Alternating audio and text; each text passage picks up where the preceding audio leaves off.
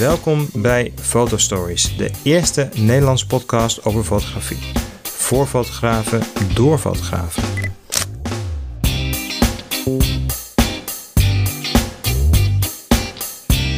En dit is aflevering 1 van de podcast. En in deze podcast ga ik in op de vraag: welke camera is nou eigenlijk het beste?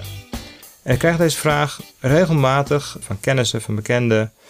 Uh, die zijn nieuwsgierig. Wat voor camera gebruik ik? Uh, wat is nou het beste als ik iets moet kopen? Wat zou je adviseren? En het is een hele lastige vraag, want er zijn niet echt meer slechte camera's te koop. Alle camera's die je kan kopen, zelfs een camera van een paar jaar oud, kan je prachtige foto's mee maken. En toch zijn fotografen zelf ook altijd nieuwsgierig naar hoe zou mijn werk nou verbeteren of hoe kan mijn foto eruit zien als ik toch overschakel op een full frame of ik koop het nieuwste model van Nikon of van Sony of van Canon.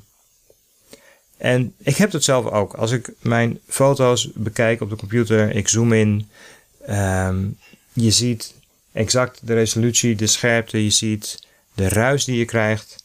Um, en dan denk je altijd, ja, maar dat kan beter, want ik zie dat op andere foto's niet. Of ik weet dat andere camera's daar beter in zijn, ik heb het gelezen. En dan ben je toch nieuwsgierig en wil je gaan testen. Nou, ik heb afgelopen weekend de kans gehad om met een aantal verschillende camera's te testen. En ik heb geprobeerd dezelfde foto te maken met drie verschillende camera's. Um, en de conclusie van, van mijn test, die laat ik nog even achterwege. Uh, die ga ik jullie straks vertellen. Maar ik heb, um, ja, waar heb ik mee gewerkt? Ik heb geschoten met de Panasonic Lumix G80. Dat is een van mijn eigen camera's. Dat is een, uh, een Micro Four Thirds camera, dus een mirrorless camera met een vrij kleine sensor, uh, kleiner nog dan een APS sensor. Uh, kropfactor van 2. Dan heb ik geschoten met de Nikon D16. Dat is een full frame camera. Het instapmodel van, uh, van Nikon. Um, 24 megapixel sensor. Um, de camera is wat verouderd als je kijkt naar de, de, de functies die erop zitten. Geen wifi, geen touchscreen. Uh, dat soort zaken mist hij allemaal. Maar de, de, de, de sensor die maakt geweldig mooie foto's.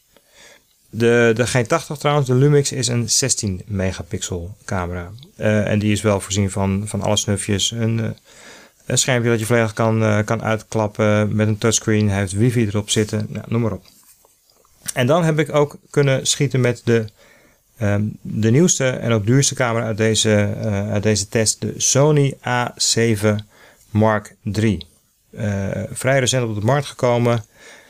Voor full frame is het Sony's instapmodel. Moet ik wel bij zeggen dat um, Sony heeft natuurlijk veel goedkopere camera's. En dit is een camera van 2300 euro voor de body. Dus ja, noem het instap. Het is toch een vrij serieuze camera. Um, nieuwe sensor zit erin. Ook 24 megapixel full frame. Dus dat zou vrij goed te vergelijken moeten zijn met de Nikon. Ook 24 megapixels full frame. En de sensors die in Nikon-camera's zitten, komen overigens uit de Sony-fabriek. Uh, als ik het goed zeg. Dus wie weet zit daar helemaal niet zoveel verschil tussen. En uh, ja, de Panasonic is dus een, een veel kleinere sensor. Kropfactor 2. Dat betekent dat hij uh, een, een, kwart van het oppervlak heeft. De sensor. Als je het vergelijkt met de, de Nikon en de Sony. En wat, wat je vermoedelijk wel, wel weet als je interesseert in camera's fotografie, dat als die sensor kleiner is, dan zijn ook de, de pixels, dus die individuele fotosites waar het licht op valt, zijn kleiner. En je hebt dus um, meer licht nodig om, om goede kwaliteit uit die sensor te kunnen halen. Of draait om, als je minder licht hebt, krijg je automatisch meer ruis en slechtere beeldkwaliteit met zo'n kleine sensor. Dat is althans de, de, de theorie daarachter. Nou, de foto's die ik heb gemaakt, ik heb op alle drie de camera's heb ik een, heb ik een portretlens gezet, een 85 mm lens. Um, dus geen zoomlens. En op de Panasonic eh, is dat een, eh, een 42,5 mm. De kropfactor krijg je dan dezelfde foto. In ieder geval dezelfde, dezelfde uh, beeldhoek. En ik heb foto's gemaakt van, um, van eten, foodfotografie, tijdens een workshop. Nou, ik heb het niet heel wetenschappelijk aangepast. De settings zijn niet exact hetzelfde. Niet op een statief gefotografeerd, dus de, de, de hoek is ook nog wat anders. En ik ben de foto's gaan maken en ehm, ik heb de foto's ingeladen in mijn computer. En uh, nou, dan ga je gelijk inzoomen op 100%. Dan zie je wel degelijk een verschil en daarna heb ik de foto's op normaal formaat bekeken. Nou, mijn conclusie.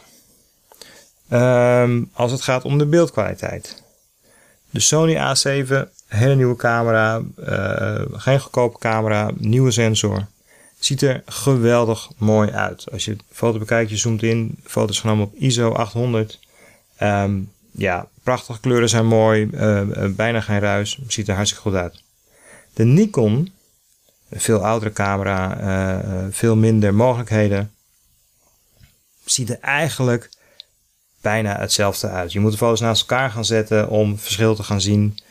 Um, ja, ik denk als je een meer wetenschappelijke opstelling maakt met exact dezelfde instellingen, uh, nog beter kijkt of de kwaliteit van de lens ook gelijk is, uh, op statief, zelfde hoek, denk ik dat je het, het verschil amper nog kan zien. De Panasonic vervolgens, minder resolutie, dus als je, als je inzoomt, zie je ook minder detail, um, heeft ook iets meer ruis. Uh, dus je ziet dat verschil wel als je 100% inzoomt. Maar dat doen wij fotografen natuurlijk alleen maar. Wij laden de foto's in in onze computer, we zoomen in tot 100%. We gaan die foto's bewerken, we zoomen soms nog verder in. Um, we willen die foto mooi maken en zien dan vooral um, de ruis. We zien de onscherpte, we zien misschien een gebrek aan resolutie. Als ik dan die drie foto's gewoon normaal bekijk, zoals je ze zou uh, bekijken, fullscreen, eh, de hele foto, dan zie je eigenlijk geen verschil meer. Dan zie je niet, kan je niet zo zeggen, oh deze uh, foto is gemaakt met de Sony of deze foto is, is gemaakt met een, met een crop factor camera. Dat, dat, dat kan je niet zien. Je kan het hoogstens misschien zien omdat zo'n zo'n zo'n lens op zo'n crop factor camera die, die heeft een andere scherptediepte. He, een, een, een kleinere, een kortere brandpuntsafstand geeft automatisch meer scherptediepte. Uh, dus dat ga je zien in die foto. Daaraan kan je het herkennen. Is dat vervelend? Is dat erg? Nee, dat is vaak zelfs uh, handig om meer scherpte te, hebben. En zeker als je een camera gebruikt om bijvoorbeeld uh, landschap of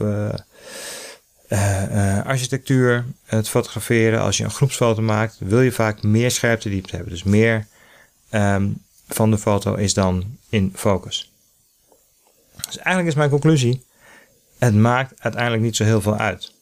En toch maakt het wel uit. Want die Sony camera, waar ik mee heb gewerkt, het is niet mijn eigen camera. Ik heb uh, slechts, slechts een paar keer eerder met een Sony camera in mijn handen uh, gestaan. In ieder geval met de, de, de, met de A7 of de A9 series. Ik vind ze niet te bedienen. Het ligt niet lekker in de hand. Mijn vingers zitten niet op de juiste knoppen. Uh, de juiste instellingen vinden heel veel moet via het menu. Dat kan niet via een touchscreen. Dat kan op de Nikon ook niet, want die heeft geen een touchscreen. De Sony heeft wel een touchscreen, maar dan kan je dus niet het menu mee bedienen. Heel raar. Um, je moet heel ver zoeken in de menus. Het menu is ook heel uitgebreid, dus je kan vermoedelijk wel heel veel instellen. Maar even snel iets vinden is, is lastig. Um, ik was dus heel erg aan het worstelen om die camera goed in te stellen. Al was het alleen maar eventjes de witbalans, mijn juiste uh, exposure uh, instellen, de juiste uh, manier van scherp stellen ik was er heel erg mee aan het, uh, aan het stoeien. Die Nikon, eigenlijk alle, alle Nikon camera's, zeker als je kijkt naar de, naar de wat serieuzere semi-professionele camera's, hebben bijna allemaal dezelfde, de knoppen op dezelfde plek zitten, dezelfde layout. Als je er één keer mee hebt gewerkt, dan pak je een Nikon camera op, je weet welke knop je moet indrukken, je stelt hem in, je schiet de foto, klaar. Panasonic wijkt daar niet heel erg veel van af eigenlijk. Panasonic, de, de camera, de G80, is een camera die koop je voor 700 euro, de body. En die heeft eigenlijk alles wat je wil hebben qua bediening. Uh, de ergonomie van die camera is heel prettig. Hij ligt lekker in de hand. Ligt bijna nog beter in de hand dan uh, die Nikon. Een, een diepere handgrip. Dus dat is heel fijn. De instelwieltje zit op de juiste plek. Uh, bijna alles heeft een knopje of je kan een knopje ervoor instellen. een, een, een quick menu, dus één druk op de knop en je hebt een menu wat je met de touchscreen eigenlijk alle belangrijke instellingen kan maken. Dus je kan daar heel snel um, ja, mee uit de voeten. Het is ook vrij intuïtief hoe je die camera bedient. De Nikon heeft het ook. Ja, Nikon, Canon is altijd lastig. De een houdt van Canon van de layout en de menustructuur, de ander van Nikon. maakt mij niet zoveel uit. Ik, ik hou persoonlijk van, van Nikon, maar is meer gewenning, denk ik. En wat dus eigenlijk mijn, mijn conclusie is, ja, als uiteindelijk dat plaatje wat ik, wat ik aan een klant moet aanleveren niet uitmaakt, die drie foto's die ik heb geschoten met de Panasonic camera van 700 euro, de Nikon full frame camera, die koop je nieuw voor 1250 euro. Erg interessant als je wil overstappen op full frame. Of die Sony A7 Mark III, 2300 euro voor de body. En dan moet je dus nog een lens erbij kopen. De foto die ik maak met elke drie van die camera's durf ik aan een klant te geven. Een betalende klant die foto's nodig heeft voor een tijdschrift, voor uh, een website. Ik durf die foto's met drie die camera's gemaakt durf ik aan te leveren. Dan ga ik uiteindelijk kiezen voor een camera die ik het prettigst vind, vind voelen in de hand. Die prettigste bediening heeft, waar ik het snelste uh, en het met het meeste vertrouwen mee uh, aan de slag kan gaan. En die Sony camera geeft mij niet het vertrouwen dat ik die camera kan oppakken en precies weet, nu kan ik dit, nu kan ik dat. en wat in mijn optiek een goed fotograaf maakt, is dat je in elke situatie waar je bent, je camera kan pakken en heel snel gewoon een goede foto kan maken. Je weet precies hoe je camera instelt voor een bepaalde situatie. Je kan het bijna blindelings doen, één schiet foto. Je wil geen momenten missen door dat je in menus aan het duiken bent of de camera aan het instellen bent.